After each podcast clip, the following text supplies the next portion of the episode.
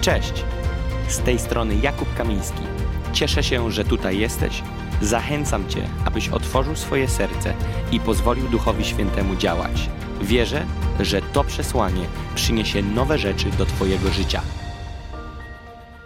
Chciałbym dzisiaj powiedzieć o, o doskonałym planie, o doskonałym planie, który wykonał Jezus. I wiecie, za każdym razem, kiedy ktoś przychodzi i mówi rzeczy takie jak chociażby moja żona dzisiaj, o tym jak innymi słowy to, co ona tu zrobiła, to wylewała swoją wdzięczność Jezusowi za to, co zrobił w naszym życiu.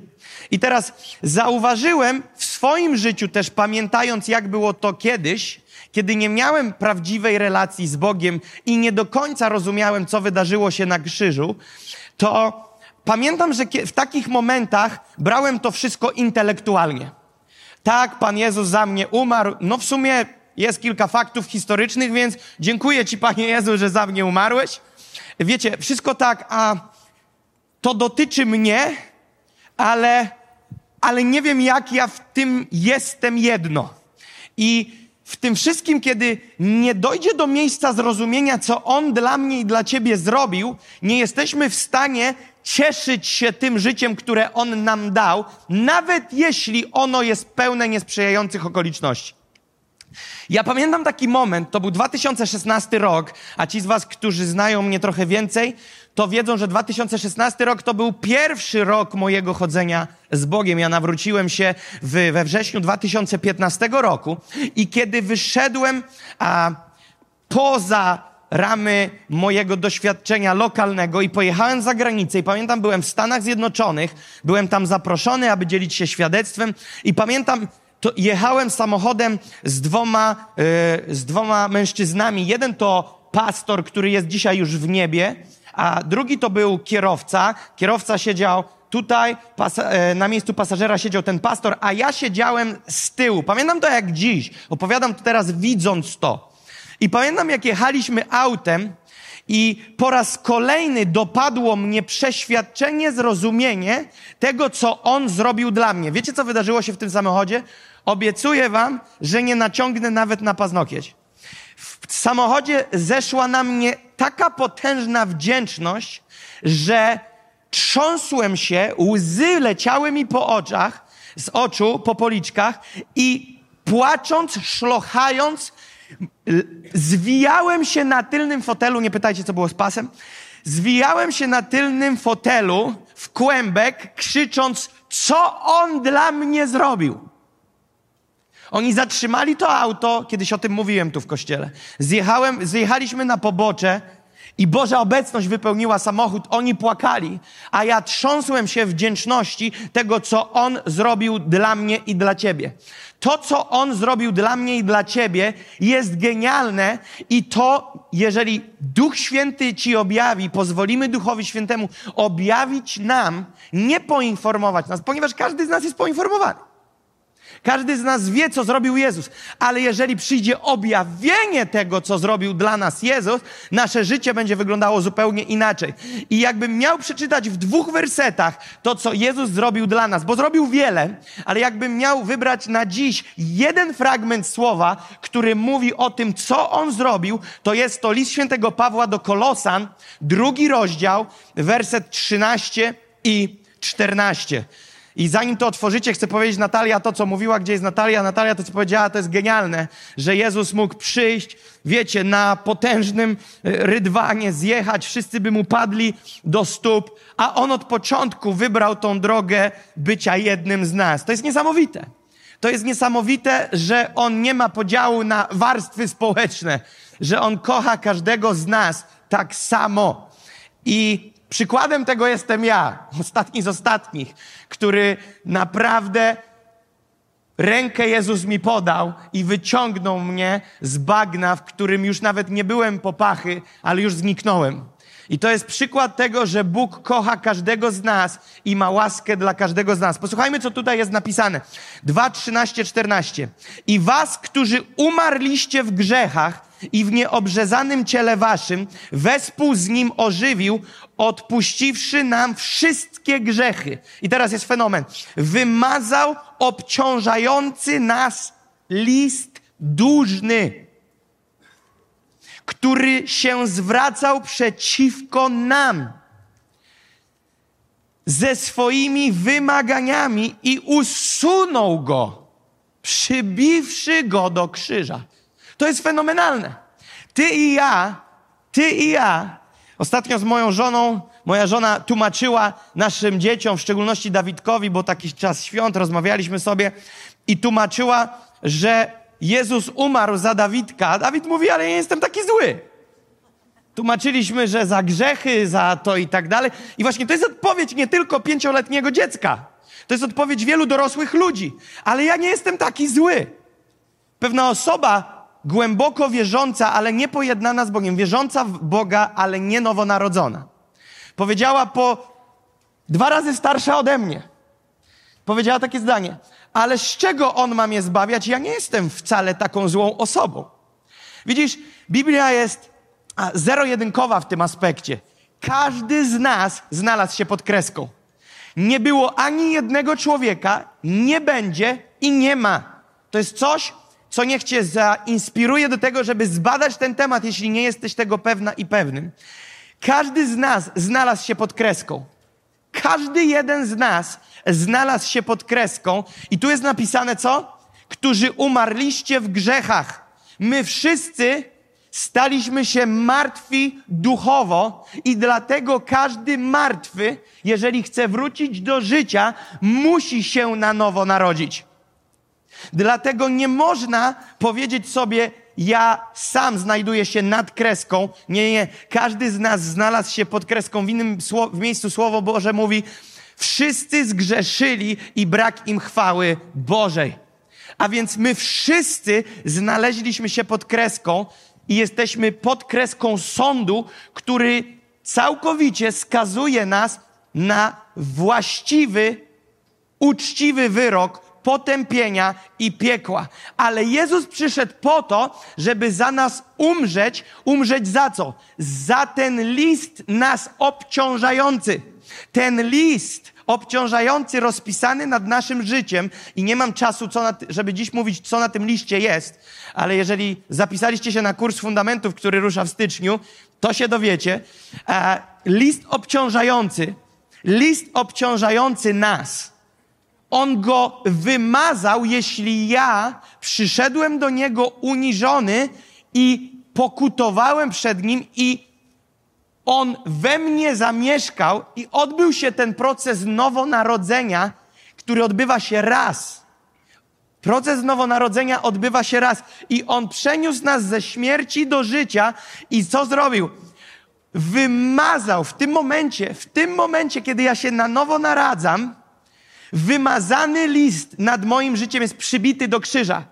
On jest przybity, moje występki były już przybite, ale staje się to aktywne nad moim życiem. Usprawiedliwienie spływa na moje życie w momencie, kiedy ja się na nowo naradzam. I to jest fenomen tej sprawy, że dlatego ja mogę przyjść do kościoła i ja mogę być wesoły, ja mogę wstać rano uśmiechnięty, ja mogę, mimo że mi się sypie w życiu, jeżeli chodzi o okoliczności, jeżeli mam kłopoty, ja i tak ponadto mam większą siłę, która pozwala mi przedostać się przez ten ciąg złych wydarzeń. Dlaczego? Bo największy powód, który mógłby decydować o moim smutku lub radości, jest nie układ okoliczności, który jest sprzyjający lub niesprzyjający, ale list, który jest wymazany bądź niewymazany.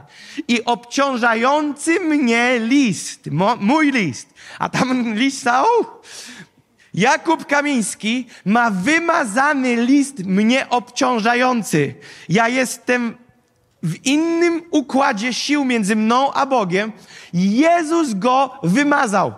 Przybił go do krzyża i zostałem zwolniony Zostałem zwolniony z konsekwencji tego, ile się tam nazbierało i mogę być czysty.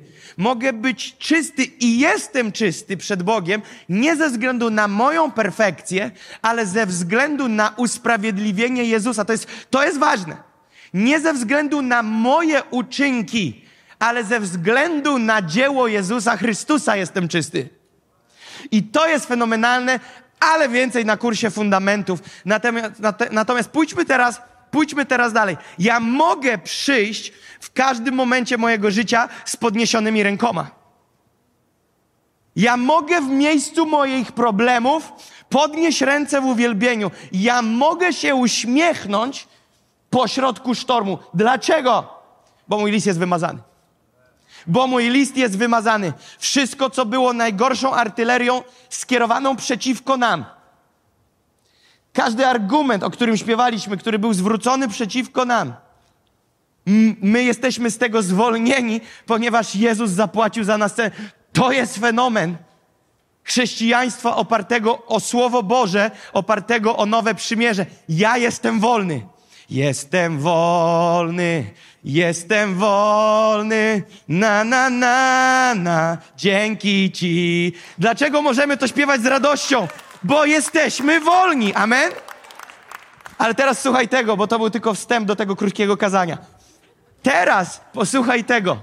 Teraz jest fenomen, ok? Ale ta część druga nie będzie długa. Po, po, ale chciałbym wam coś powiedzieć, ok? Musicie, musicie, zro, zrobimy jedną umowę teraz. Zapisałem sobie tą umowę, żeby nie zapomnieć. Jeśli się podekscytujesz, ale tak naprawdę, nie żeby mi było miło, ale jeżeli naprawdę się podekscytujesz tym, co będzie mówione, daj znać, ok? Daj znać. Ale jeśli zwariujesz z wrażenia, jeśli oszalejesz z wrażenia na podstawie tego, co usłyszysz, możesz wstać i klaskać na stojąco. Możesz nawet krzyknąć. I teraz uwaga, nie żeby mi podziękować, ale żeby jemu w zachwycie oddać chwałę, ok? To nie będzie do mnie, ok? To będzie dla niego. Więc jeżeli twój zachwyt będzie taki, ok? To możesz tak dwoma paluszkami. Ale jeżeli doleci coś do ciebie głębszego, to możesz mocniej, a jeżeli oszalejesz z wrażenia, nie tego, co powiem, ale tego, co on zrobił, ja tylko fakty będę przytaczał, to możesz odpalić w górę. Obiecuję wam, że będzie hit, ok? Ale zanim do hitu dojdziemy, przeczytajmy coś e, po kolei. Nie wiem jak wy, w waszych domach, w domach waszych znajomych, ale jak jest czas Wigilii, to jeżeli czyta się Biblię, fragment Słowa Bożego, to na, zazwyczaj gdzie się otwiera? Które się otwiera? Z narodzeniem Jezusa było tak. Prawda? I wtedy wybieramy tych najmłodszych w domu, którzy potrafią czytać, dajemy im Biblię, bo to taki piękny, rodzinny, świąteczny czas. I bez dwóch zdań, nie podważając żadnego z fragmentów, tym bardziej tego mówiącego o narodzeniu Jezusa Chrystusa, musimy go przytoczyć i chciałbym wam przeczytać. Ewangelia Świętego Mateusza 1 od 18 do 23 mówi tak. A z narodzeniem Jezusa Chrystusa było tak. Gdy matka jego, Maria, została poślubiona Józefowi, okazało się, że zanim się zeszli, była brzemienna z Ducha Świętego. A Józef, mąż jej, będąc prawym i nie chcąc jej zniesławić, miał zamiar potajemnie ją opuścić. I gdy nad tym rozmyślał, oto ukazał mu się we śnie anioł pański i rzekł, Józefie, synu Dawidowy, nie lękaj się przyjąć Marii, żony swej, albowiem to, co się w niej poczęło, jest z Ducha Świętego. A urodzi syna i nadasz mu imię Jezus, albowiem on zbawi lud swój od grzechów jego. A to wszystko się stało, aby się spełniło słowo pańskie wypowiedziane przez proroka. Oto panna pocznie i porodzi syna i nadadzą mu imię Immanuel, co się wykłada Bóg z nami. Pytanie jest tak, kiedy to było? Proste pytanie, śmiało.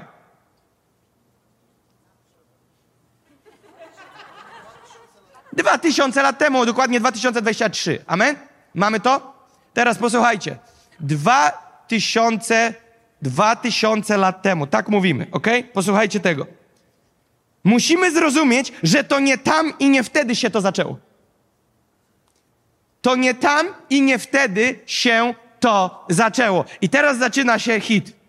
Ponieważ każdy z nas traktuje to trochę na zasadzie Jezus na pewno dla kogoś przyszedł, ale nie jestem pewna, pewny czy dla mnie. Wielu z nas rozumie, że Jezus przyszedł, aby zbawić cały świat. Wiemy, że zadbał o zwierzątka i wprowadził je do arki. Wiemy, że kocha ludzi. Ale czy mnie? Czy gdybym ja był zwierzęciem, nie wiem, czy by mnie wprowadził do arki. Mamy takie myśli, że na pewno za wszystkich, ale nie wiem, gdybym był słoniem, prawdopodobnie słoni by nie było w arce. Nie wiem, nie wiem. Gdybym tylko ja był na ziemi, nie wiem, czy Jezus by za mnie umarł. No, za pastorów, za zespół uwielbienia, za tych takich, wiesz, wielkich ludzi wiary, to tak, ale za mnie, takiego Jana Kowalskiego, takiego prostego człowieka, nie wiem, nie wiem. I widzisz, sprawa się pięknie rozwija, jeżeli wyjdziemy z tego zdania, że ono jest prawdziwe, że nie wtedy i nie tam zaczął się plan zbawienia. Bo Jezus przyszedł po co? Po co Jezus się urodził? Po to, żeby wypełnić plan. Jaki plan? Plan odkupienia ludzi, odkupienia z grzechu. A więc Jezus wstępuje po to, aby wypełnić plan, po to, aby w wieku dorosłym oddać swoje życie jako żywą ofiarę, po to, abyśmy nie my musieli umierać, ale On umarł za nas. To był plan, tak? Ale teraz jak myślisz, kiedy ten plan się rozpoczął w sercu Bożym? Bo jak dobrze o tym pogadamy, to sala by się podzieliła na pół. Gdybyśmy mogli tak przeczytać, co jest w głowach słuchaczy, to na każdym zgromadzeniu sala podzieliłaby się na dwie strony. I jedna strona, zawsze jest taka grupa ludzi, która nie do końca wie, jak to szło, i w sumie mówi tak: świat się tak już pogorszył, już tak źle szło, że w niebie patrzyli, oczywiście parafrazuję, patrzyli z góry i mówią: Nie, co już jest tak źle, że już tego się nie da naprawić. Jezu, chyba, chyba musimy coś zrobić. Słuchaj, to co, co robimy? I oni się tam, wiecie, zgromadzili przy okrągłym, takim trójkątnym, przepraszam, stole. Przy trójkątnym stole usiedli i mówią, co robimy? Słuchaj, posypało się, jest tak źle, że nie wiemy, jak z tego wyjść. A Jezus mówi, no to ty jesteś Bóg Ojciec, to mów. No ale przecież Duchu Święty, ty jesteś duchem mądrości, więc nawet ty badasz głębokości moje, więc ty powiedz. Rozumiecie? Nie, to tak nie było. Oni nie byli zaskoczeni ciągiem wydarzeń, ponieważ plan zbawienia, plan zbawienia, plan tego, że Jezus przyjdzie umrzeć za kogo? Za kogo Jezus przyszedł umrzeć? Za ludzi. To jest bardzo ważne, za ludzi. Plan tego, że Jezus przyjdzie umrzeć za ludzi, powstał zanim powstał pierwszy człowiek.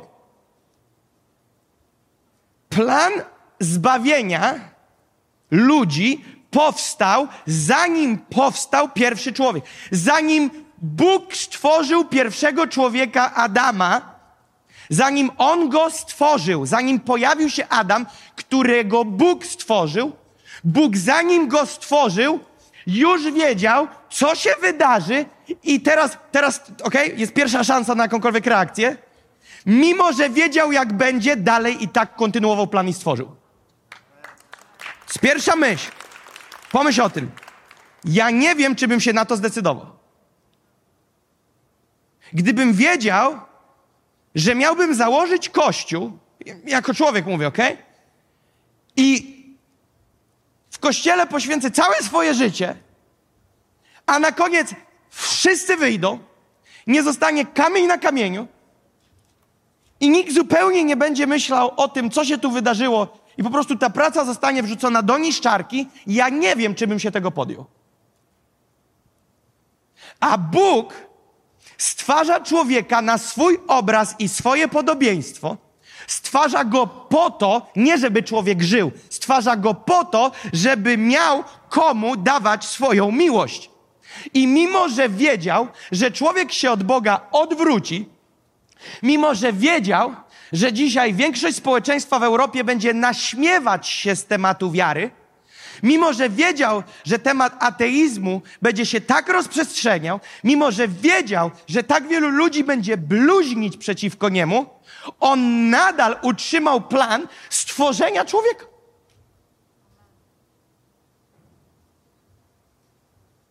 On nadal podtrzymał ten plan, żeby stworzyć człowieka, wiedząc, że człowiek tak odjedzie, że będzie musiał za tych, którzy od niego odjadą, pomyśl jaka niesprawiedliwość. Stwarza ich po to, aby byli przy sobie, żyją dlatego, my żyjemy dlatego, że On nam na to pozwolił. On dał nam ducha po to, żebyśmy mogli w duchu go czcić. On dał nam życie po to, aby żyć z Nim, a my odwróciliśmy w ogóle całe założenie do góry kołami i odwróciliśmy się od Niego i większość ludzi dzisiaj żyje bez Niego.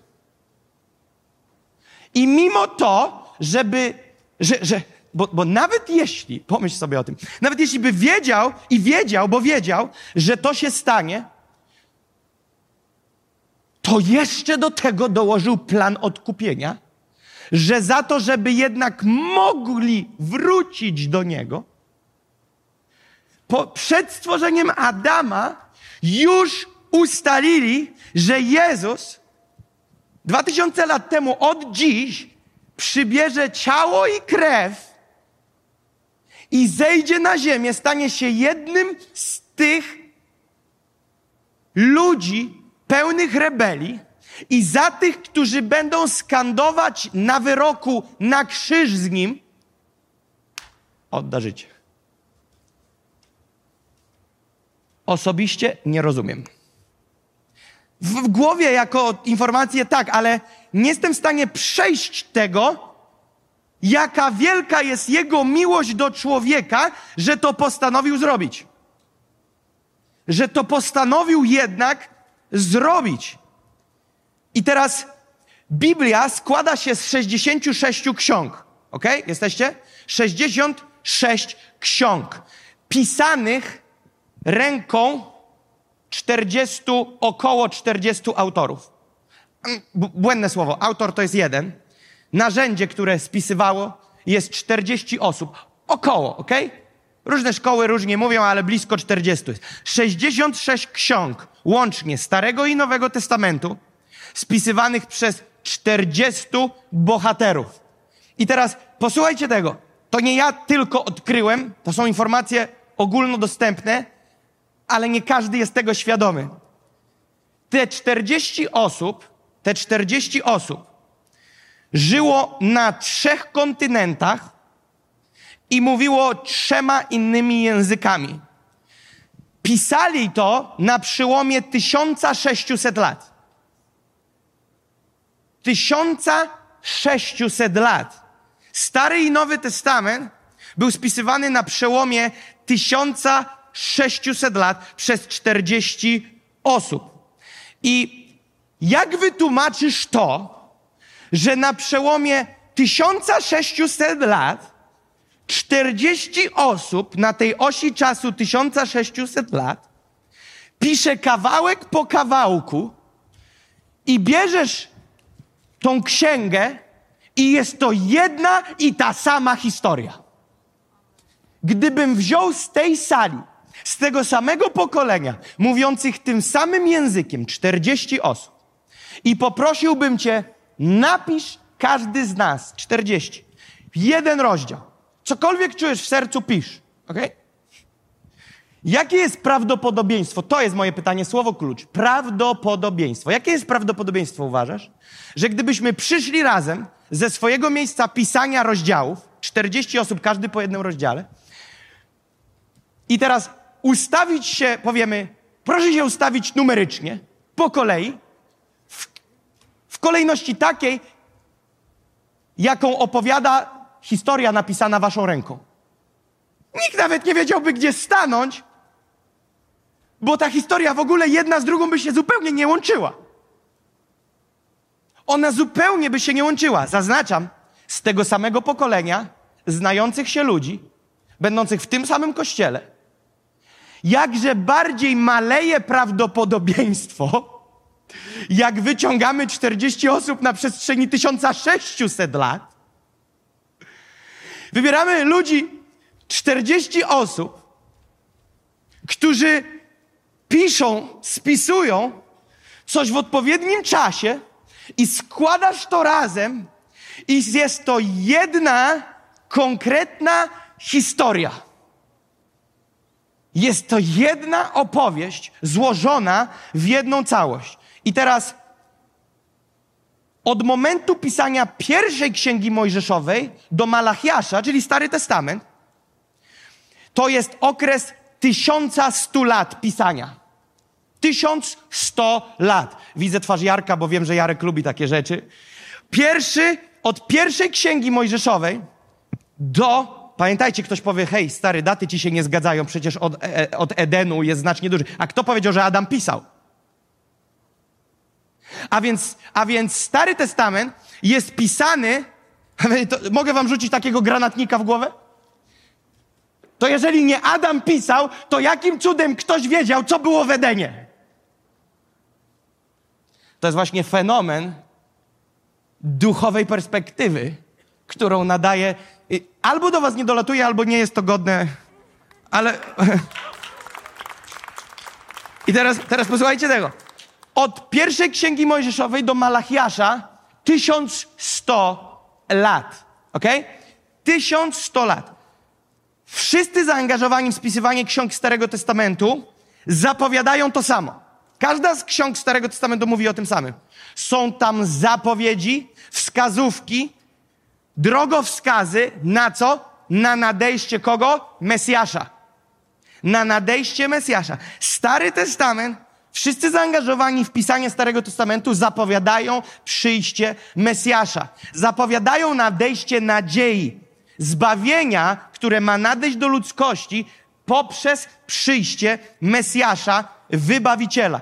I teraz pamiętajcie, pamiętajcie, mówiliśmy, jakie może być prawdopodobieństwo tego, że to wszystko się zgadza ze sobą i zapowiada to samo, ponieważ jedno nie wyklucza drugiego. Te wszystkie rzeczy spisane w, ze sobą łącznie wzięte pod uwagę, jedna nie wyklucza drugiej na przełomie, bo Stary Testament jest pisany na przełomie 1100 lat. I teraz, I teraz uwaga, co się dzieje. Zapowiedź przyjścia Mesjasza. I jeżeli chodzi o te wskazówki, czytaj proroctwa na temat przyjścia Mesjasza, wiesz ile ich jest w Starym Testamencie? Kto wie? 300. 300, zaokrąglamy. 300 proroc, 300 opisów, 300 wskazówek, takich jak na przykład musi urodzić się w Betlejem. Ok? Tego typu. Mesjasz musi to i tamto. Będzie tak i tak. 300 konkretnych instruktarzy, drogowskazów, które wskazują na to, że Mesjasz nadejdzie i te 300 proroc jest opisem, drogowskazem, wskazówkami, proroctwami tego, jak to będzie wyglądało. I teraz po, po, pomyśl sobie o tym, że żadne z tych 300 to już, gdybyśmy wszystko zabrali i tylko nad tym jednej historii się pochylili, jest hit. Z tych 300 proroc na przełomie 1100 lat żadne z tych 300 się nie wyklucza. Słuchajcie, w kościele dzisiaj, nawet teraz, po tym jak wam powiedziałem, co z budynkiem, nawet teraz by się wersje różniły. Wiecie, że tak jest w kościele. Dzisiaj informacja będzie po nabożeństwie taka. Pastor powiedział, od stycznia się przeprowadzamy. To jest klasyka. To jest klasyka. I ta jedna wypowiedź przeczy tej, którą ja powiedziałem. 300 proroctw ze sobą się nie kłóci. 300, pomijmy wypełnienie. Zapowiedź 300 zapowiedzi na przełomie 1100 lat się ze sobą nie kłócą. Na chwilę, na chwilę przemyśl to. 300 pisanych na 1100 lat. 300 proroc ze sobą się nie kłócą.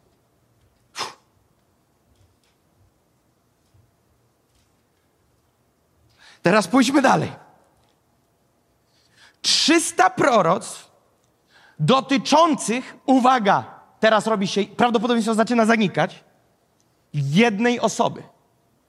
Bo jeżeli 300 proroctw, tych konkretnych, mamy prawo wziąć 100 osób, 200, 500, 30, jakkolwiek, że się te 300 proroctw wypełni w życiu danej grupy ludzi, może, ale 300 z nich i jedna osoba?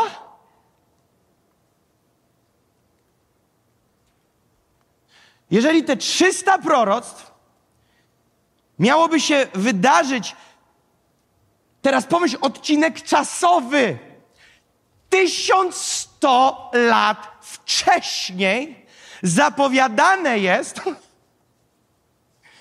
że przyjdzie ktoś z konkretnym opisem.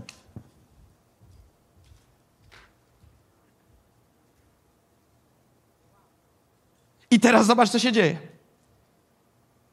Pytanie, jakie chcę postawić i zadać, jest takie: jakie jest prawdopodobieństwo w liczbie? Mnie interesuje liczba.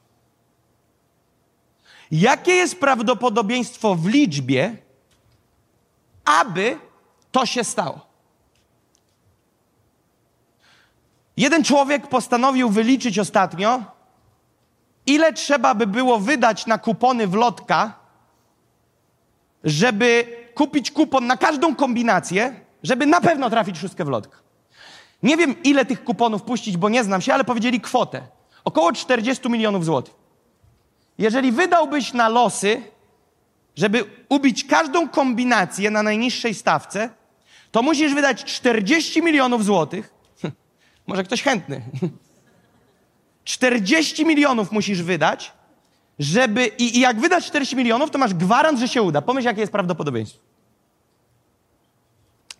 Więc teraz, co mam jeszcze na temat prawdopodobieństwa? Gdyby było tutaj oprócz mnie na scenie 9 osób i ja się zamykam, i przychodzi tu osoba niewidoma i stoi 10 osób na scenie włącznie ze mną. Jakie jest prawdopodobieństwo, że ta osoba jedna wylosuje mnie? Powiemy, ej, wylosuj pastora. Jakie jest prawdopodobieństwo? Jeden do? Jeden do dziesięciu. Więc mnie interesuje te jeden do ilu, jeden do ilu, żeby Jezus wypełnił swoim życiem 300 proroc. Okej? Okay? I słuchajcie tego, to jest prawdziwa historia. Był taki człowiek jak dr Peter Stoner. Prawdziwa informacja. Dr Peter Stoner zmarł w 1980 roku w wieku 92 lat. Teraz, to nie był jakimś tam pan Peter, tylko ten Peter Stoner był naukowcem, pisarzem i przewodniczącym Wydziałów Matematyki i Astronomii w Pasadena City College naukowiec, pisarz i przewodniczący Wydziałów Matematyki i Astronomii w Pasadena City College. Ekspert, jedną z dziedzin, w których był ekspertem, był dział prawdopodobieństw. Więc Peter Stoner postanowił obliczyć prawdopodobieństwo, jakie jest, że to się wszystko stanie. I teraz zatrudnił do tego działu, do, po, po, powołał specjalny dział, powołał specjalny projekt, który nie trwał dwa dni, ogromną konstrukcję składającą się, uwaga, z 600 studentów, najlepszych mózgów, z 12 innych klas. I zaangażował tych 600 studentów z 12 klas do zbadania prawdopodobieństwa, jakie musiałoby być, aby, uwaga, nie wypełnić 300, bo doszli do wniosku, że będzie ciężko liczyć, żeby wypełnić 8 z tych 300. Ok? Więc skala się tam zmienia bardzo, prawda? Z 300 8 proroc. Jakie jest prawdopodobieństwo liczbie, że jeden człowiek wypełni swoim życiem osiem z 300 proroc, które zostały zapowiedziane na przełomie 1100 lat. I kiedy zaczęli liczyć, to powiem wam wynik i on wam nic nie powie i później go rozwinę. Okazało się, że wynik to 1 do, do 10, tylko że te 10 jest do potęgi 17. Podoba mi się to? Podoba mi się ta reakcja? Słuchajcie tego. 1 do 10, ale 10 jest do potęgi 17. Więc teraz my nie zrozumiemy tej liczby, bo wiesz, co to znaczy, że jest do potęgi 17? To znaczy, że jest ile zer? Okay. a ile milion ma zer? 6 zer. Okay? rozumiemy problem? Teraz liczymy 8, nie 300, 8 proroctw. Teraz posłuchajcie tego. Jeżeli chodzi. Ojej, to, to, to, to jest kosmos. Posłuchajcie tego. Zaczęli liczyć. Zaczęli liczyć i wyszło im, że to jest 1 do 10 do 17 potęgi. 8 proroc 300. Żeby zobrazować, co to znaczy, ilustracją, tak żeby każdy z nas mógł zrozumieć. Ilustracja brzmi tak. I przerobiłem ją trochę tylko, jeżeli chodzi o terytorium, żebyśmy mogli zrozumieć. Terytorium wielkości 700 tysięcy kilometrów kwadratowych, ok? To są, wiesz ile? Żeby było łatwiej, nie liczby, żeby było łatwiej. Dwie Polski. Dwa razy Polska. Więc wyobraź sobie obszar dwóch Polsk. Dwie Polski, ok? Polska i jeszcze jedna. I jedna i tak już robi ciekawe zamieszanie. Pomyśl dwie, ok? Dwa razy terytorium Polski. I teraz posłuchaj tego.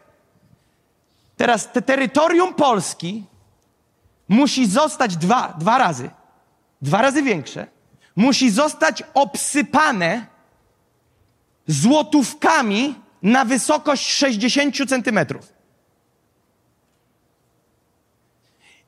Masz to? I jedna złotówka jest czerwona.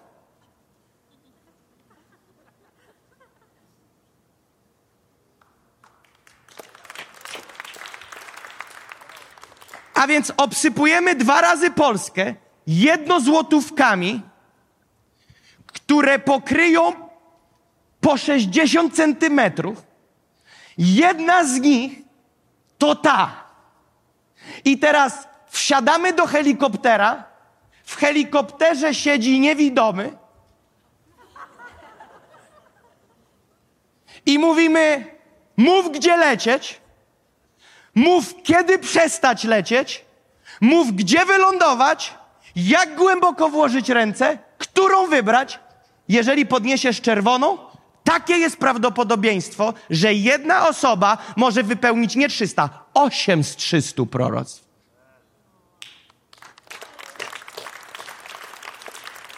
Pomyśl sobie, co się dzieje przy 300. Pomyśl sobie, co dzieje się przy 300.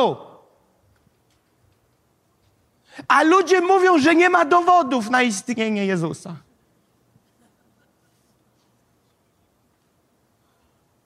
Dlatego jednym z tematów na Now School będzie apologetyka. Już jest dograne. Apologetyka, czyli to są fakty na obronę swojej wiary. I to jest temat jeden z lekcji na Now School 24. Dobra, idziemy dalej. Słuchajcie, jesteście? Słuchajcie teraz. Jezus nie wypełnił tylko ośmiu, Jezus wypełnił wszystkie 300 proroctw.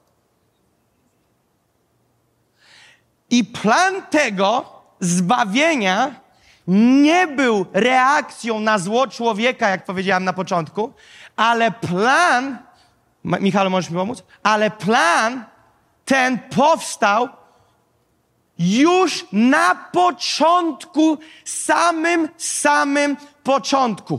I my jesteśmy fanami tego, że widzimy te wersety Jana 3,16, w których jest napisane, tak Bóg umiłował świat, że Syna swojego jednorodzonego dał, aby każdy, kto w Niego wierzy, nie zginął, ale miał życie wieczne. Czas przeszły. Stwierdzają fakt tego, co doszło, prawda? Wymazał obciążający nas list, przybił go do krzyża. To jest po śmierci Jezusa. Ale fenomen się robi taki, że konkretne przesłanie Ewangelii jest już na kartach Starego Testamentu w postaci 300 proroctw. A w moim życiu największe wow robi pierwsza księga Mojżeszowa, piąty rozdział. Pierwsza księga Mojżeszowa, piąty rozdział robi dla mnie największy szok i szapobał, kłony w stronę nieba za takie rozplanowanie tematu i jeszcze dodatkowo za w cudzysłowie umieszczenie w sposób zakryty Ewangelii mieszczącej się w pierwszej księdze, księdze rodzaju, w piątym rozdziale. W piątym rozdziale pierwszej księgi Mojżeszowej jest nagłówek w mojej Biblii potomkowie Adama. I mamy tam dziesięć imion, które idą jeden po drugim. Dziesięć imion i każdy charyzmatyczny wierzący jedzie palcem, kiedy imiona się skończą i zaczyna czytać, kiedy imiona się kończą. Nigdy nikt tych imion nie czyta, bo po co mi imiona? Ale musimy zrozumieć, że w tamtym czasie, bardziej niż dziś, mimo że dzisiaj jest to na wysokim poziomie, znaczenie imion było tak bardzo kluczowe dla ludzi, że innymi słowy ludzie wierzyli, że takie jakie imię ktoś ma, to niesie jakieś przesłanie. Że imię nadane dla danego człowieka jest niesionym przesłaniem. Ludzie ogromnie utożsamiali się ze swoim imieniem. A więc w tym piątym rozdziale, piąty rozdział jest tylko po to, żeby wymienić dziesięciu potomków Adama. A ten miał na imię tak i tak i tak. Zmarł, a jego syn miał na imię tak i dziesięć imion jedno po drugie. I te dziesięć imion to Adam, Set, Enosz, Kenan, Mahalalel, Jared, Henoch, Matuszelach, Lamech i Noe. Dziesięć imion. W takiej kolejności, jak powiedziałem. Jeżeli ustawilibyśmy te imiona dziesięć obok siebie, w tej kolejności, w jakich mówi Słowo Boże, dziesięć imion obok siebie i zrobili pod każdym imieniem strzałkę w dół i napisali, co oznacza każde pojedyncze imię, wtedy byśmy mieli takie tłumaczenia. Każde imię znaczyłoby coś. Wtedy Adam, pod spodem piszemy człowiek. Set oznacza powołany i wybrany. Enosz oznacza, oznacza śmiertelny. Kenan oznacza smutek. Mahalalel oznacza błogosławiony Bóg. Jared oznacza przyjdzie na dół. Heno, oszok. Henoch oznacza nauczanie. Matuszelach oznacza jego śmierć przyniesie. Lamech oznacza rozpaczający. I Noe oznacza pocieszenie i odpoczynek. I kiedy zmienisz końcówki, aby się z wyrazy trzymały kupy, powstaje zdanie: Człowiek jest powołany do śmiertelnego smutku, ale błogosławiony Bóg przyjdzie na dół, nauczając, że Jego śmierć przyniesie rozpaczającym pocieszenie i odpoczynek.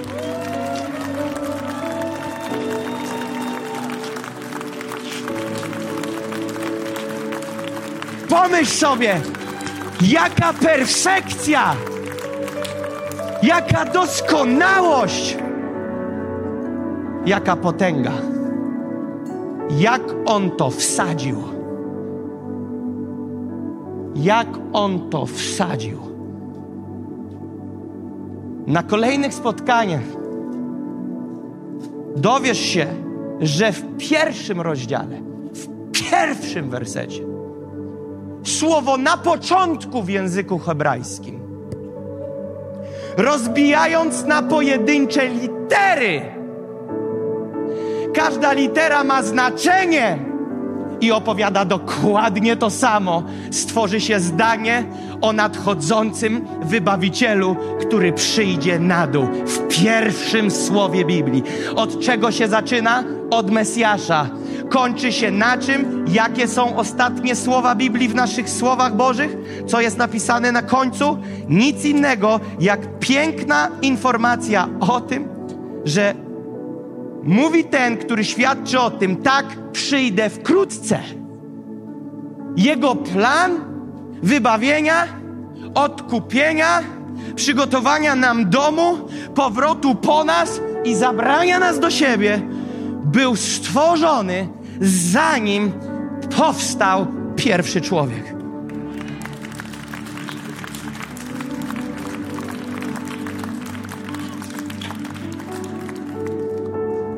I kiedy czytasz to wszystko, czytasz Stary Testament, czytasz te historie i czytasz historię o Józefie, patrzysz, że Józef to jest proroczy obraz Jezusa Chrystusa. Dlaczego? Powołany, by rządzić i przynieść ratunek, niezrozumiany, nieprzyjęty, odrzucony, sprzedany. Sprzedany. Judasz sprzedał i bracia Józefa sprzedali. Gdzie trafia? Do niewoli. Odrzucony przez swoich braci, którzy później, lata potem, do niego powracają. On ich przyjmuje i wprowadza ich do królewskiego DNA. Czyja to historia? Jezusa. A historia Jonasza? Jonasz trzy dni we wnętrznościach, w ciemnościach, w brzuchu wieloryba. Ach, jaki zbieg okoliczności. Trzy dni. I dlaczego? I gdzie brnął? Do Niniwy. Co się działo nad Niniwą? Wisiał sąd. Jakie przesłanie niósł Jonasz? Nadziei. Jaki był finał wizyty Jonasza w Niniwie? Usprawiedliwienie i odpuszczenie i pokój z Bogiem. Czyja to historia? Jezusa Chrystusa. I moglibyśmy tak iść przez cały Stary Testament. To jest jedna powieść, jedna historia, jeden plan tego, jak Bóg kocha Ciebie i mnie.